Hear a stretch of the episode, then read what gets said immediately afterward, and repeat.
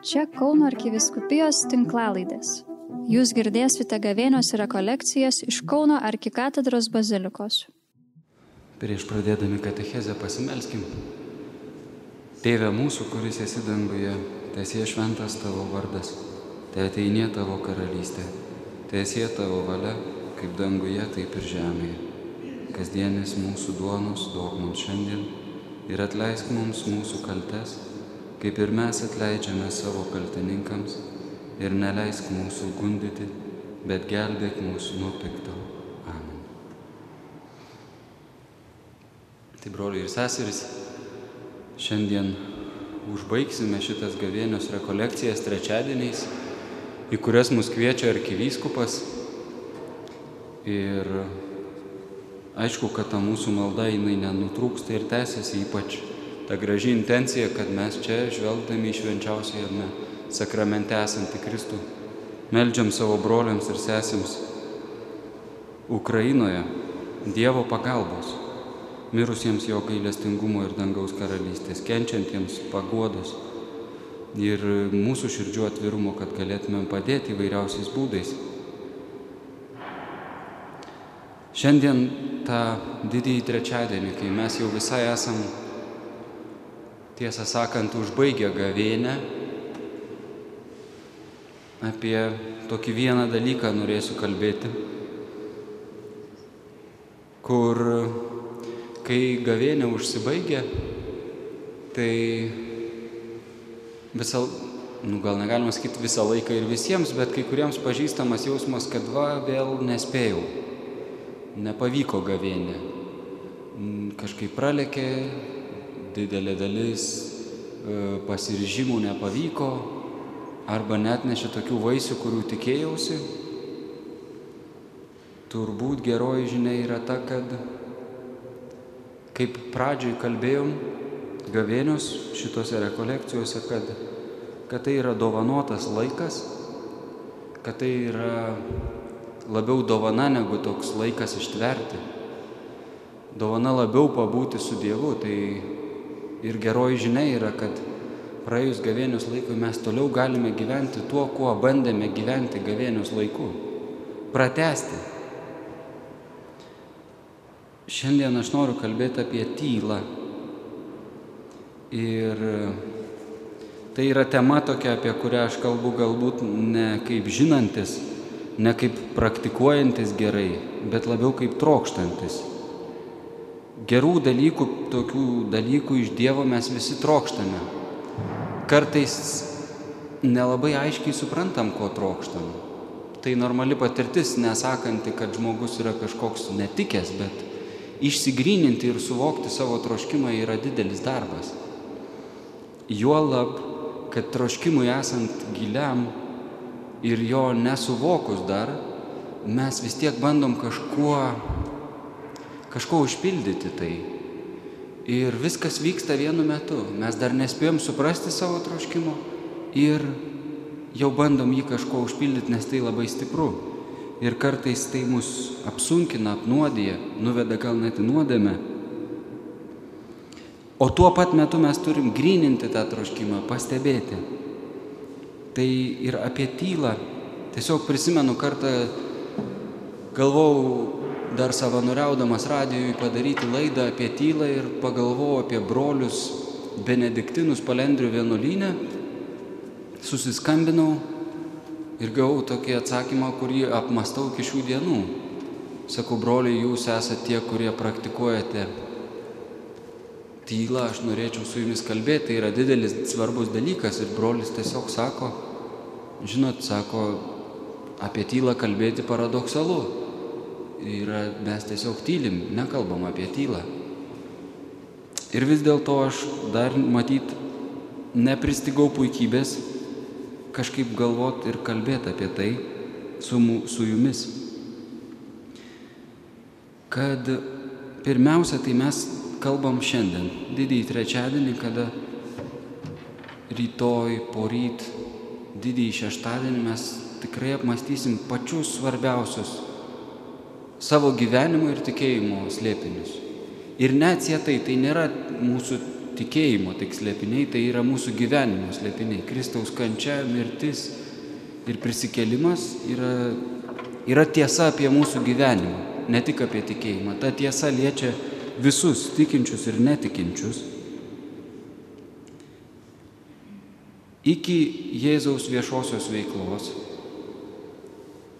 ir iki šitų įvykių, kurie gan greit ateina, sąlygiškai žiūrint į Jėzaus amžių, fiksuojamas Evangelijoje tylos liudėjimas toksai, kur mes nežinome, tarsi tylu, ką Jėzus veikia iki savo viešosios veiklos. Ir katekizmas mums pateikė šventojo popiežiaus Pauliaus VI homilijos ištrauką sakytą Nazarete, mums aktualu tik va tokia jo mintis. Jis sako, popiežius Paulius VI, kad Nazaretas buvo mokykla, kurioje pradedame suprasti Jėzaus gyvenimą. Tai Evangelijos mokykla. Pirmiausia, ji moko tylos. Kad Nazaretas, kaip toks vyksmas, apie kurį jau mes nebeturim aprašymų konkrečių, buvimas Jėzaus čia, yra ir Evangelijos mokykla, kur mums svarbiausia mokykla - Evangelijos mokykla. Ir pirmas dalykas, pirma pamoka yra tylos. Ir panašu, kad galime galvoti apie judėjimą prie didžiausių dalykų, kad jis prasideda tyloje kad iš tylos į didžiuosius slėpinius. Drįstu sakyti toks Kristaus pavyzdys. Dabar ar šitas pavyzdys reiškia, kad, na, jeigu mano gyvenime nėra tylos, tai čia ne man tas pavyzdys, aš nesugebu. Ar šitas pavyzdys irgi reiškia, kad mes galim sakyti, kad esame tik šito, kad šitas laikmetis išskirtinai yra nedraugaujantis su tyla vargu. Galbūt mes ir matom daug tokios labai ryškios netylos triukšmo. Bet kiekvienas, kuris iškelia tylos klausimą savo gyvenime, mato, kad ne tik išorinis triukšmas ją sunaikina ir ne tik technologijos, bet, bet žmogus iš ties gali įvairiais būdais bėgti nuo tylos. Kas yra ta tyla, iš kurios galima ateiti į didžiosius liepinius, kuri gali padėti bent truputį atskleisti savo, suprasti tuos didžiuosius mūsų gyvenimo ir tikėjimo slėpinius pagal Kristaus pavyzdį. Sunku viską pasakyti, bet galbūt keletas detalių mums bus naudinga. Kad pirmiausia, toji tyla tai turi būti bendravimo būdas. Kad tyla, šita tyla, kuria artinamės prie didžiausių savo gyvenimo slėpinių, tiek bendrai žiūrėdami į tikėjimo tiesas ir slėpinius, tiek visada mes aktualų turim, aktualią patirtį. Mes dabar mąstysim jau nuo rytojaus vakaro apie Kristaus kančią vėl, penktadienį vėl. Ir mes mastom apie Kristaus kančią, bet kad ją suvoktume, mums reikia tos tylos, bet tada yra kiekvieno mūsų kančia. Kur atsakymas apie Kristaus kančią liečia ir atsakymą apie mano kančią. Bet reikia daug ką suprasti, daug ką atrasti, daug ką pasakyti savo, ar išsikalbėti, ar ištylėti. Ta tyla yra bendravimo būdas. Labai svarbu savo tylą arba tylą, kuri baugina, pabandyti papurtyti ir paklausti, ar čia ta tyla, kuri mane baugina, gali būti, kad aš ne tos tylos bijau.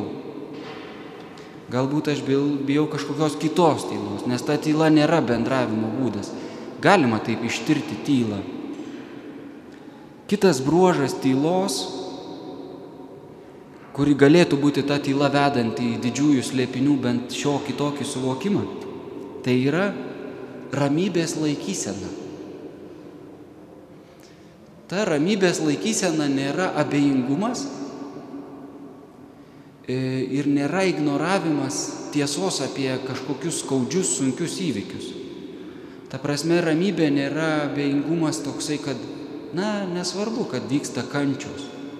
Aš esu ramus. Tai yra labiau laikysena, kurioje aš nustatau savo širdį ir aš su ta ramybė ir ateinu į kančią, į sunkumus ir bandau kažkuo atliepti tai kančiai ir tiems sunkumams, kad juos spręščiau, bet bandau išlaikyti ramybę. Aišku, kad tos ramybės be Dievo, be santykio su Dievu nėra. Bet svarbus bruožas tylai ištirti, ieškant tos tylos, yra, kad ta tyla būtų ramybės būsena. Nežinau, ar man pavyksta nupasakot, nes kančios ir sumišimo nežinios akivaizdoje gali įžūliai skambėti, kad va, jūs šitą savo kančią suprasite, jeigu pasinersite į tylą, kuri yra ramybės laikysena. Atsakymas kunigė, jūs nušnekat, nėra ramybės manyje. Kiek kitokia ramybė, ne išsisprendimo ramybė, bet tokia, kaip prieš tai kalbėjom, tyla bendravimo būdas, kad tai yra buvimas ta tyla, ne nebūtis kažkokia, nebuvimas, bet buvimas. Ir dabar kalbam apie trečią bruožą tos tylos, kur labai svarbus, kur galbūt padės suprasti, ką aš turiu omeny, kai sakau, kad tylos bruožas yra ramybės laikysena. Kad tyla yra Dievo būdas būti kartu kančioje. Tyla kaip bendravimo būdas, tyla kaip ramybės laikysena, tai yra toks nepanikavimas, tam tikra prasme iš Dievo pusės neišsigandimas būti šalia kenčiančiojo, nes mes esame tai patyrę, kad mums yra, mes nežinom, kaip elgtis su kenčiančiu žmogum, net jeigu tas žmogus būčiau aš pats ir aš nebūnu su tuo savim kenčiančiu. Arba negaliu ramiai išbūti ir su tuo kitu kenčiančiu. Dievas tokią galimybę turi. Tyla Toji tyla, kuri veda prie didžiųjų slėpinių suvokimo, yra Dievo būdas būti kartu kančioje, tai yra santykio patirtis irgi. Apie didįjį šeštadienį katekizme mūsų kalbama irgi pasitelkus citata iš senovinio didžiojo šeštadienio pamokslo, iš homilijos senovinės. Tokia ištrauka tik tais, kad Apie didįjį šeštadienį kalbam, Kristus guli kape. Didi tyla šiandien viešpatauja žemėje. Didi tyla ir rimtis. Didi tyla, nes karalius miega. Aš sutinku, kad tai yra sudėtinga tema ir kaip nuo pat pradžių pradėjau, kad kalbėti apie tylą yra tam tikra prasme irgi ją drumsti ir, ir riboti gal tam tikrą prasme, bet nu mes kažką turim daryti.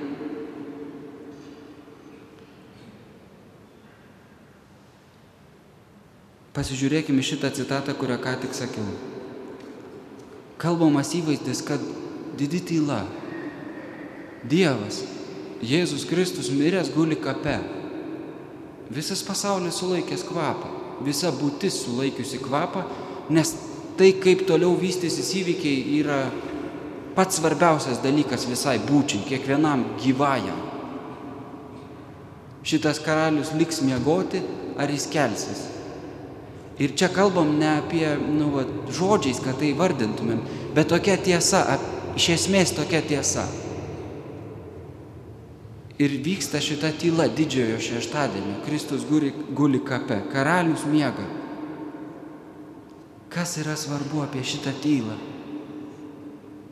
Ką daro Kristus šitoj vietoj? Tai nėra jo pasišalinimas. Kristus, būdamas miręs, neatsiriboja. Tai nėra šita tyla karaliaus miegančių. Nėra atsiribojimas, nėra užsisklendimas, nėra abejingumas, o atvirkščiai. Jis būna su mumis ten, kur, kur mes gyvėjai negalim pabūti.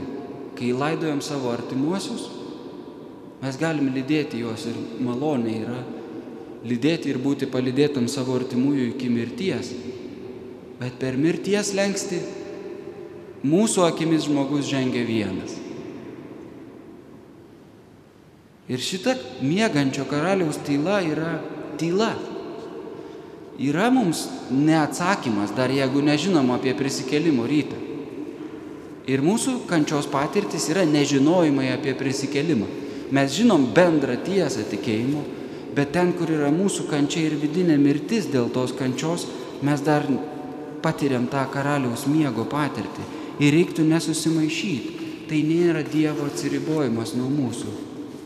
Karalius miegodamas šitoje mirtyje yra su mumis mirusiaisiais. Ir bus tuo metu, kai žengsim per mirties lengstį. Dar žvelgime šitą tylą. Kas čia vyksta? Tai nėra nebuvimo tyla, tai yra tyla kaip kūryba.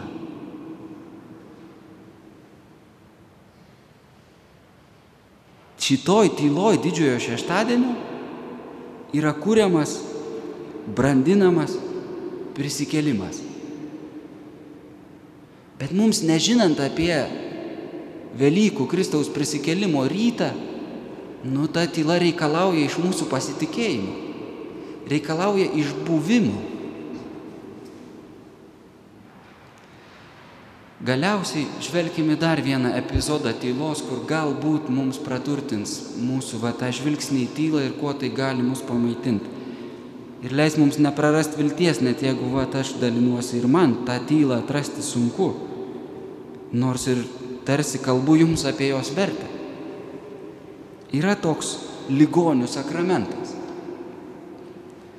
Ir vienas pagrindinių ženklų ligonio sakramento šventimo metu gali kartais prasprūsti pro akis.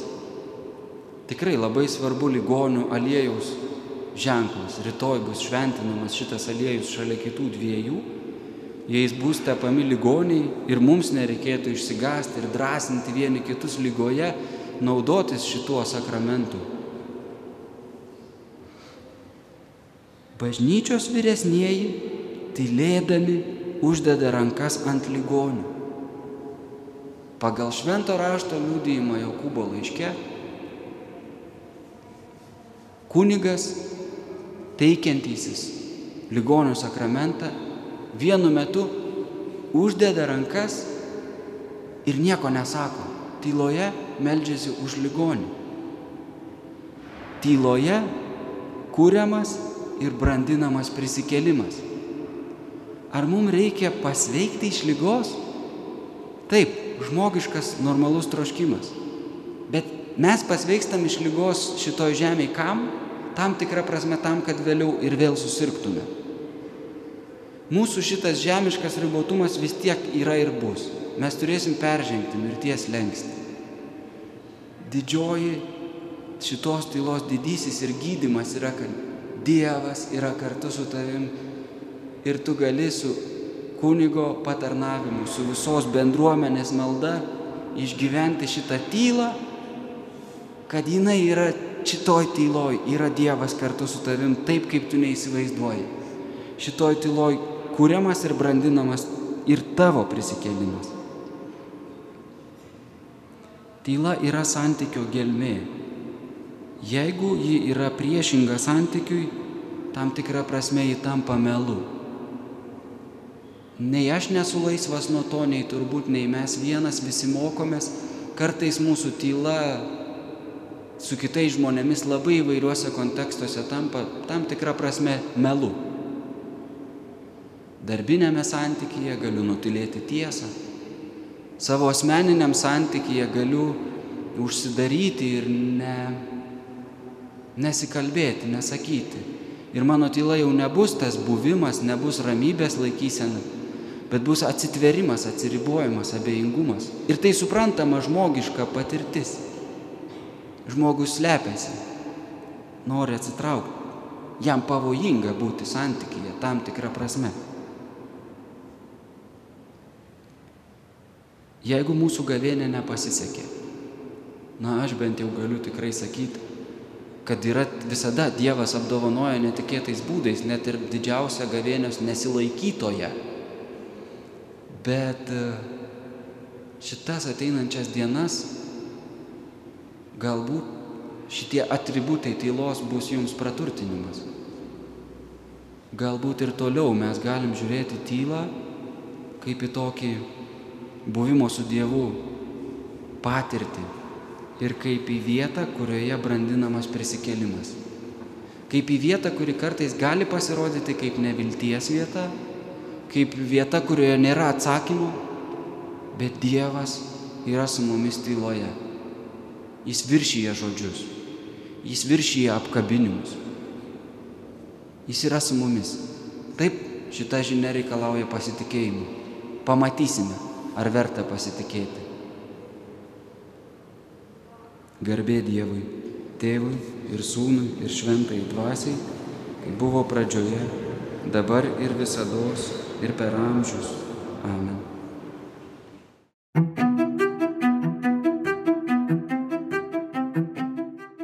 Jūs girdėjote gavėnios rekolekcijas iš Kauno arkikatedros bazilikos. Čia Kauno arkiviskupijos tinklalaidės. Sekite mus ir prenumeruokite.